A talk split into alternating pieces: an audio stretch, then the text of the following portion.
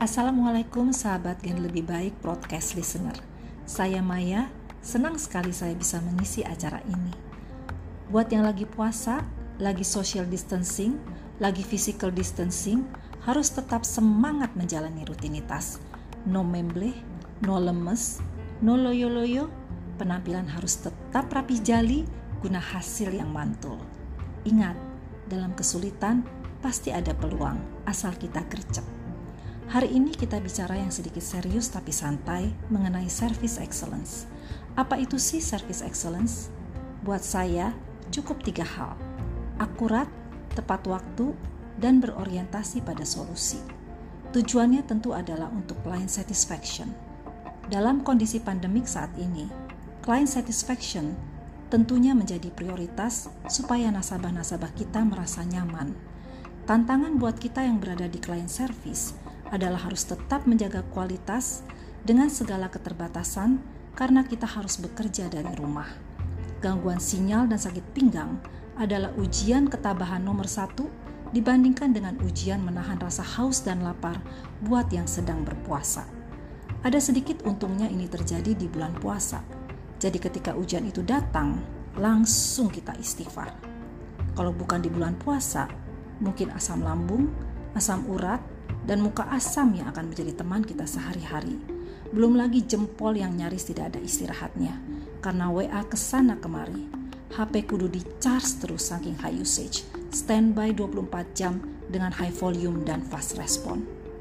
Tapi apa pun situasi dan kondisi sekarang, bikin deh suasana isolasi kita di rumah jadi tetap asik. Buat yang hobi masak, coba deh buka kulkas, ambil panci, nyalahin kompor, dan masak makanan yang endul tekendul-kendul buat buka puasa nanti. Racikan sendiri itu biasanya megang, mantap, mengguncang, meluncur langsung ke lambung.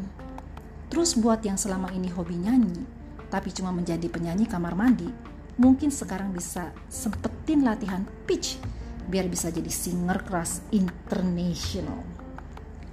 Yang hobi fotografi juga jangan sampai mati gaya. Ambil kamera, ini saatnya bikin foto keluarga cemara sebanyak-banyaknya. Walaupun lokasinya di ruang tamu lagi, di ruang tamu lagi. Orangnya lu lagi, lu lagi. Posenya yaitu lagi, itu lagi.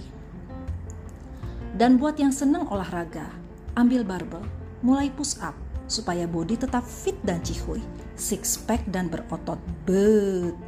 Nah, buat yang hobi dandan, ambil tuh kuas, pensil alis, bedak, gincu, bulu mata palsu, dan dan deh kayak mau kondangan. Bikin video TikTok Brush Challenge, siapa tahu viral dan jadi artis TikTok. Dan buat yang gak punya hobi, mulai dong cari-cari hobi. Mulai aja dari yang gampang-gampang dulu, seperti nyapu, ngepel, lap-lap, cuci piring. Jadi kalau nanti mbaknya pulang kampung atau mudik lebaran, bisa langsung jadi auto infal. Satu lagi, jangan lupa berjemur.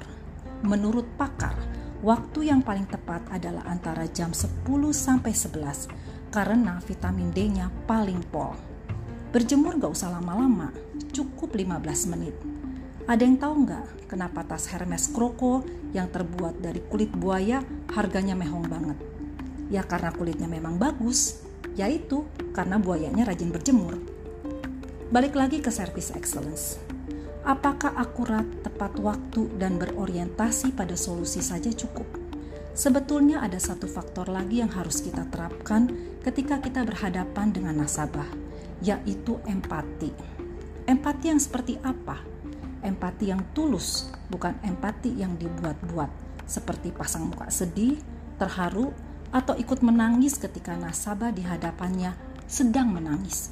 Itu drakor namanya, bukan empati. Jadi empati yang tulus itu seperti apa? Empati yang tulus adalah kemampuan berbagi emosi dengan orang lain tanpa pamrih. Tapi jangan sampai keterusan, apalagi sampai tukeran nomor HP saking terlalu menghayati peran. Oh my guys, kayaknya dari tadi saya sudah ngalor ngidul gak jelas. Daripada saya tambah halu, saya Maya, pamit undur diri dulu. Sampai ketemu lagi di lain waktu. Tetap gesit, kece, semangat, dan deliver. Wassalamualaikum warahmatullahi wabarakatuh.